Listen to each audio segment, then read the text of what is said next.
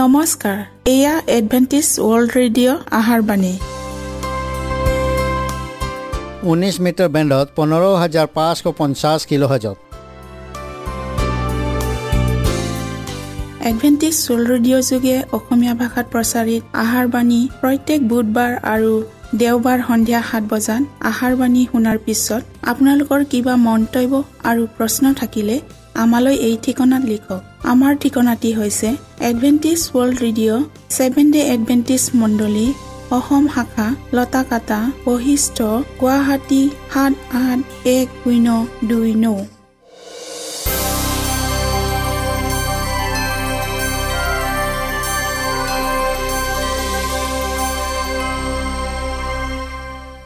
প্ৰিয় শ্ৰোতা বন্ধুসকল এতিয়া শুনো আহক এটি খ্ৰীষ্টীয় ধৰ্মীয় গীত।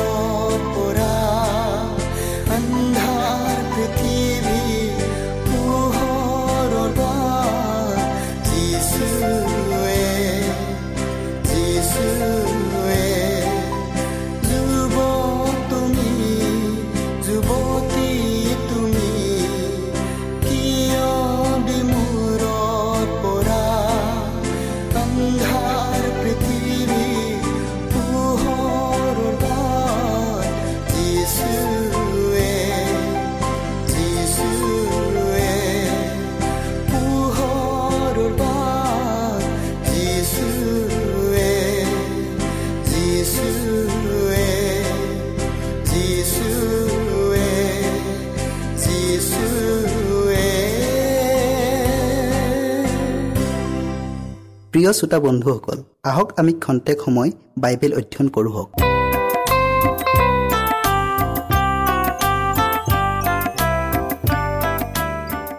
প্ৰিয় শ্ৰোতা বন্ধুসকল নমস্কাৰ।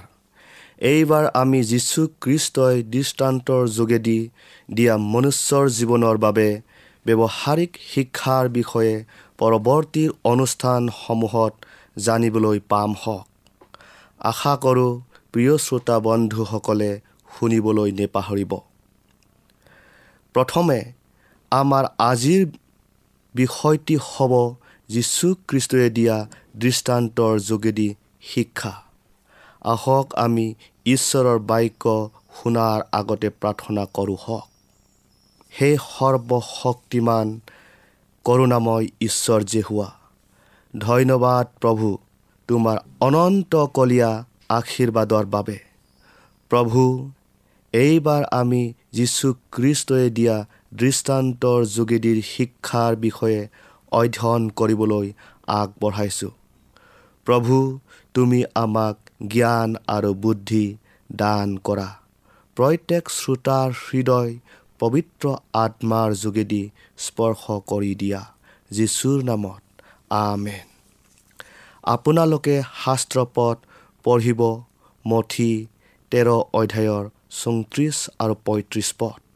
কৃষ্টৰ দৃষ্টান্তমূলক শিক্ষাবোৰ তেওঁ পৃথিৱীলৈ যি উদ্দেশ্যেৰে আহিছিল সেই শিক্ষাবোৰৰ মূল নীতি তেওঁৰ নিজৰ জীৱনটো প্ৰকাশ পাইছিল। উদ্দেশ্য এই যে আমি যেন তেওঁৰ ঐশ্বৰিক গুণ আৰু জীৱনৰ সৈতে পৰিচিত হওঁ কাৰণ কৃষ্টই মানৱ প্ৰকৃতিলৈ আমাৰ মাজত বাস কৰিলে। ঐশ্বৰিকতাই মানৱতাত প্ৰকাশ পালে। অদৃশ্য মহানতাই দৃশ্যমান মানৱৰ আকাৰ ধাৰণ কৰিলে। মানুহৰ অবিদিত জ্ঞান দৃশ্যমান বস্তুৰ দ্বাৰাই প্ৰকাশ পালে। স্বৰ্গীয় বিষয়ক তত্ত্ববোৰ পাৰ্থিৱ বস্তুবোৰৰ দ্বাৰাই প্ৰকাশ কৰিলে যিহেতু স্বয়ং ঈশ্বৰে মানৱ জনম লৈ নিজকে প্ৰকাশ কৰিলে। সেইদৰে মানুহে যিবোৰ পাৰ্থিৱ বস্তুৰ সৈতে পৰিচিত। তেওঁৰ সেই অদৃশ্যক দৃশ্যমান বস্তুৰ উদাহৰণেৰে আৰু ঐশ্বৰিক সত্যক প্ৰকৃতিৰ বস্তুৰ সৈতে তুলনা কৰি বুজাই দিলে। এইয়ে আছিল কৃষ্টৰ শিক্ষা। মঠি তেৰ অধ্যায়ৰ চৌত্ৰিছ আৰু পঁয়ত্ৰিছ পদত কৈছে এই সকলো কথা যীশুৱে লোকসমূহৰ আগত দৃষ্টান্ত দি ক'লে আৰু দৃষ্টান্ত নিদিয়াকৈ তেওঁলোকক একো কথা নক'লে। মই দৃষ্টান্ত দি ক'বলৈ মোৰ মুখ মেলিম। জগত স্থাপন কৰাৰে পৰা গুপ্ত কথাবোৰ প্ৰকাশ কৰিম। প্ৰাকৃতিক বিষয়বস্তুৰ মাধ্যমেৰে আত্মিক শিক্ষা প্ৰদান কৰিছিল। তেওঁৰ বাক্য শুনাবিলাকৰ জীৱনৰ ভাৱ চিন্তা আৰু প্ৰকৃতিৰ দৃশ্যমান বস্তুৰ সামঞ্জস্য ৰাখি ঈশ্বৰৰ সত্য বাক্য শিকাইছিল। কৃষ্টৰ দৃষ্টান্তসমূহ মানুহ আৰু ঈশ্বৰ পৃথিৱী আৰু স্বৰ্গ একত্ৰিত কৰা সত্যৰ ভিত্তিত আধাৰিত। কৃষ্টই নিজ হাতেৰে সৃষ্টি কৰা প্ৰাকৃতিৰ বস্তুবোৰৰ তুলনা দিয়েই শিক্ষা দিছিল। কিয়নো এইবোৰত তেওঁৰে প্ৰভাৱ আৰু গুণবোৰ নিহিত হৈ আছে। ঈশ্বৰে আদিতে সৃষ্টি কৰা প্ৰকৃতিখন নিকুট আছিল আৰু সৃষ্টিৰ আটাইবোৰে তেওঁৰ গৌৰৱ আৰু মহিমা প্ৰকাশ কৰিছিল। এডেনৰ গৃহৰ আদম আৰু হাৱাৰ ঐশ্বৰিক জ্ঞান আৰু সৎ নীতিৰে পৰিপূৰ্ণ আছিল। সেইবিলাক দুয়ো ঈশ্বৰে সৈতে নিবিড় সম্বন্ধ ৰাখি চলিছিল।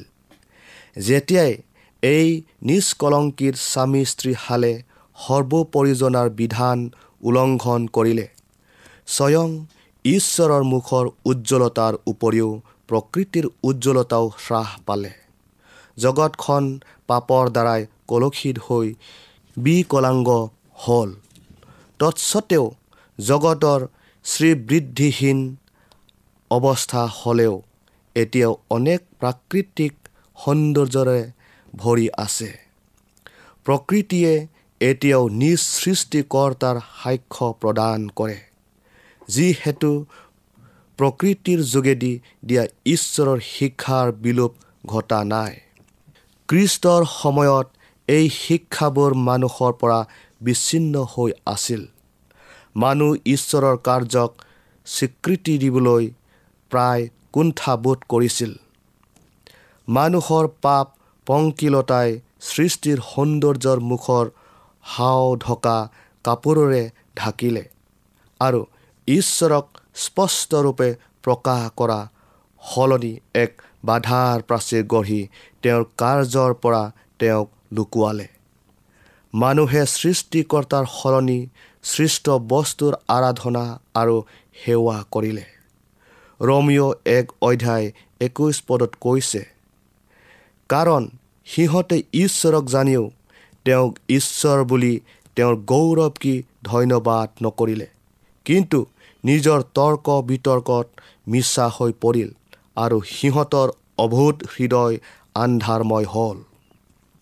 এতেকে দেখা গ'ল তেতিয়া আৰু এতিয়াৰ মানুহৰ পুৰুষানুক্ৰমে পালন কৰি অহা অসাৰ শিক্ষাবোৰ ঈশ্বৰৰ স্থানত স্থাপিত কৰিলে। কেৱল প্ৰকৃতিৰ বস্তুৱে নহয় কিন্তু উৎসৰ্গীকৰণৰ সেৱা আৰাধনা আৰু শাস্ত্ৰখনক যিখন পুস্তকৰ যোগেদি ঈশ্বৰক প্ৰকাশ কৰিব দিয়া হ'ল। এই আটাইবিলাক ওলট পালট আৰু বিকৃত ব্যাখ্যাৰে তেওঁ গোপন কৰা হ'ল। সত্যক যিহে অস্পষ্ট কৰিছে কৃষ্টই তাক আঁতৰাব খুজিছে। পাপে যি আৱৰণেৰে প্ৰকৃতিৰ মুখ ঢাকিলে তেওঁ তাক একাষে আঁতৰাই আত্মিক গৌৰৱৰ উদ্দেশ্যে প্ৰতিফলিত কৰিবলৈ যে আটাই বস্তু সৃষ্টি কৰিলে তাক প্ৰকাশ কৰি দেখুৱালে। তেওঁৰ বাক্য প্ৰকৃতিৰ শিক্ষাৰ সৈতে ওতপ্ৰোতভাৱে জড়িত আৰু নতুন দিশ প্ৰকাশ কৰে।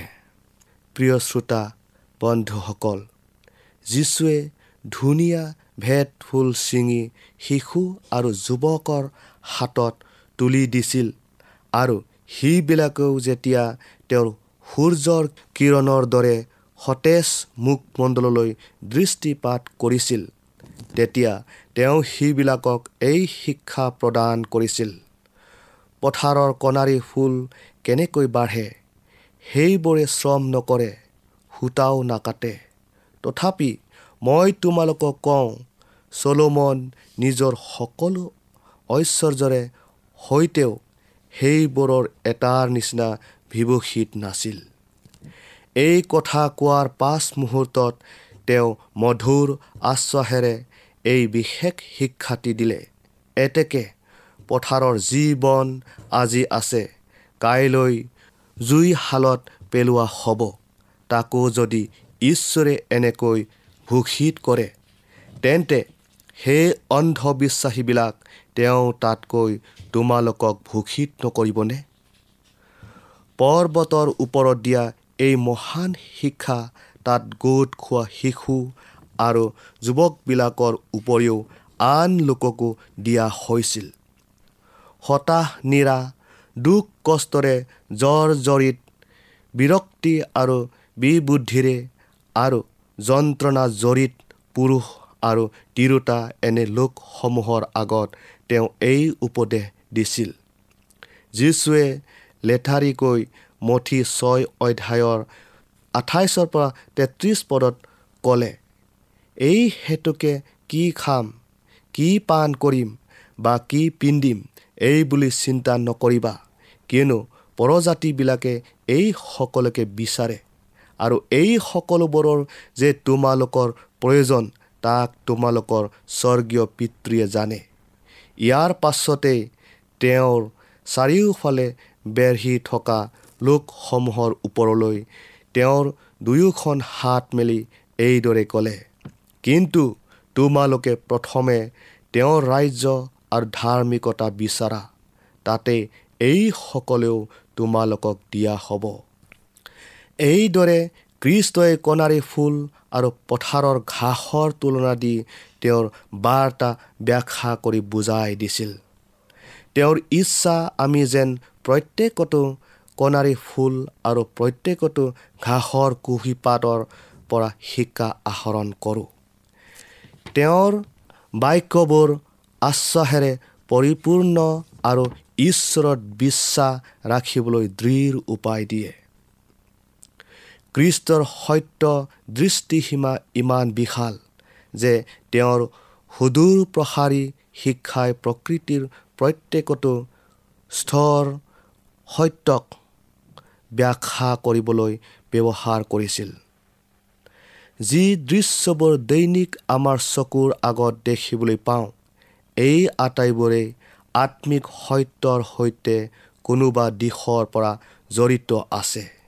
সেয়ে কৃষ্ট দৃষ্টান্তেৰে দিয়া শিক্ষা প্ৰকৃতিৰ দ্বাৰাই আবৃত্ত হৈ আছে। কৃষ্টৰ প্ৰাৰম্ভিক পৰিচৰ্যা কালচোৱাত তেওঁ ইমান সৰল সহজ বাক্যাৰে তেওঁৰ শ্ৰোতাবিলাকক সত্যৰ বিষয়ে বুজাইছিল যাতে ইয়াৰ তাৎপৰ্য গ্ৰহণ কৰি মুক্তি বা পৰিত্ৰাণৰ অৰ্থে সজাগ হয়। কিন্তু পৰিতাপৰ বিষয় অনেকৰ হৃদয়ত এই সত্যই শিপাব নোৱাৰিলে বৰং অতি সোনকালে ই মৰহি গ'ল। এই হেতুকে যীশুৱে মঠি তেৰ অধ্যায়ৰ তেৰৰ পৰা পোন্ধৰ পদত দৃষ্টান্ত দি ক'লে তোমালোকে শুনোতে শুনিবা কিন্তু নুবুজিবা আৰু দেখোঁতে দেখিবা কিন্তু নাজানিবা কিয়নো এই মানুহবিলাকে যেন চকুৰে নেদেখে কাণেৰে নুশুনে চিত্তেৰেও নুবুজে আৰু ঘূৰি নাহে। এই নিমিত্তে তেওঁলোকৰ চিত্ত ভুতুহা আৰু শুনিবলৈ কাণো গধুৰ। নিজৰ নিজৰ চকু মুদি আছে। প্ৰিয় শ্ৰোতা বন্ধুসকল যীশুৱে নিৰুৎসাহীজনক উৎসাহিত কৰিব ইচ্ছা কৰিছিল। অমনোযোগীজনক জাগৃত কৰি হৃদয়ত সত্যৰ প্ৰভাৱ বিস্তাৰ কৰিব বিচাৰিছিল। দৃষ্টান্তমূলক শিক্ষা সহজে বুজিব পৰা সকলোৰে চিত্ৰ আকৰ্ষিত কৰিব পৰা কেৱল যিহুদীবিলাকৰে নহয় অন্য জাতিৰো জনপ্ৰিয় আছিল। তেওঁ ফলপ্ৰসূ পদ্ধতিৰে শিক্ষা দিছিল। তেওঁৰ শ্ৰোতাবিলাকে ঐশ্বৰিক জ্ঞানৰ প্ৰতি ধাউতি থকা হ'লে তেওঁ কোৱা কথাবোৰ বুজি পালেহেঁতেন। কাৰণ তেওঁ সদায় সৰল চিতীয়া অনুসন্ধিৎসু লোকক বুজাবলৈ ইচ্ছুক। যিবিলাক মানুহ গ্ৰহণ কৰিবলৈ অনিচ্ছুক আনকি বুজাত অপাৰক তেনে লোককো কৃষ্টই সত্যক জনাবলৈ প্ৰস্তুত আছিল। এইকাৰণে এনে কঠিন মনৰ মানুহবিলাকক দৃষ্টান্তৰ সহিত সহজ সৰল বাক্যৰে বুজোৱাত পদ্ধতি লৈছিল। মানুহবিলাকৰ জীৱন পথৰ আৱেগ অনুভূতিৰ আৰু প্ৰকৃতিৰ সৈতে সামঞ্জস্য ৰাখি শিক্ষা প্ৰদান কৰি মন আৰু হৃদয় আকৰ্ষিত কৰিছিল। যেতিয়া সিবিলাকে দৃশ্যমান বস্তুৰ ব্যাখ্যাৰ সহিত তেওঁৰ শিক্ষাবোৰ বুজিব পাৰিছিল তেতিয়া ঐশ্বৰিক গুৰুজনাক সোঁৱৰণ কৰিছিল। যিবিলাকৰ মন আৰু হৃদয় পবিত্ৰ আত্মাৰ প্ৰতি মুকলি তেনে লোকবিলাকৰ প্ৰতি ত্ৰাণকৰ্তা জনাৰ শিক্ষাৰ তাৎপৰ্য অধিক অধিককৈ বুজাত সক্ষম হ'ব। ৰহস্যবোধক বিষয়বোৰৰ স্পষ্ট হ'ব আৰু যিবোৰ বুজাত কঠিন সেইবোৰ প্ৰত্যেক হ'ব। প্ৰিয় শ্ৰোতা বন্ধুসকল যীশু প্ৰত্যেকজনৰ হৃদয়ত সুমোৱাৰ পথ বিচাৰি আছে যেন তেওঁ সদায় বাস কৰিব পাৰে।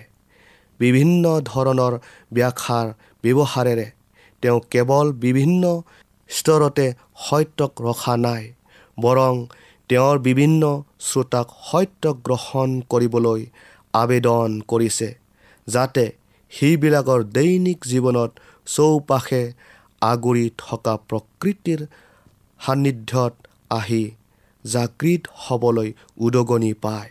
ত্ৰাণকৰ্তাজনাৰ বাক্য শুনাবিলাকৰ কোনেও যেন ক'ব নোৱাৰে। সেইবিলাক অৱহেলিত আৰু উপেক্ষিত। কাৰণ অতি নম্ৰজন হওক বা মহাপাপীজন হওক তেওঁৰ শিক্ষাৰ যোগেদি সেইবিলাকৰ প্ৰতি মহানুভূতি আৰু নম্ৰতাৰ স্বৰ শুনিলে। প্ৰিয় শ্ৰোতা বন্ধুসকল আজি ইমানে ইয়াৰ বাকী অংশ আমি পৰৱৰ্তী অনুষ্ঠানত শুনিবলৈ পাম হওক। ঈশ্বৰে আপোনালোকক আশীৰ্বাদ কৰক।